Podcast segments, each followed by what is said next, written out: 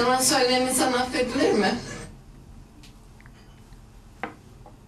Bu nasıl bir güzel profil böyle? Minnacık bir burun.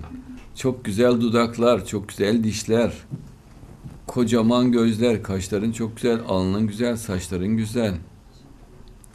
Benim canıma, dünyalar güzelime yalan söyleyen varsa benim canımı tabii ki o rahatsız eder.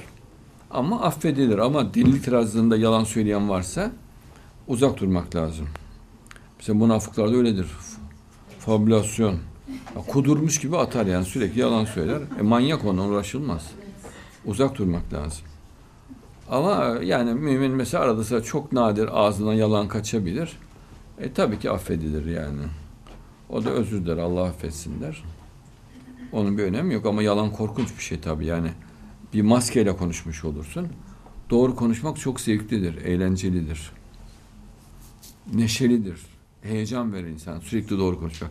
Mesela insan sevdiğiyle mutlaka doğru konuşuyorsa bu e, kalbinde muazzam heyecana sebep olur. Çok zevklidir. Ya ısrarla doğru konuşmak çok zevkli bir şey.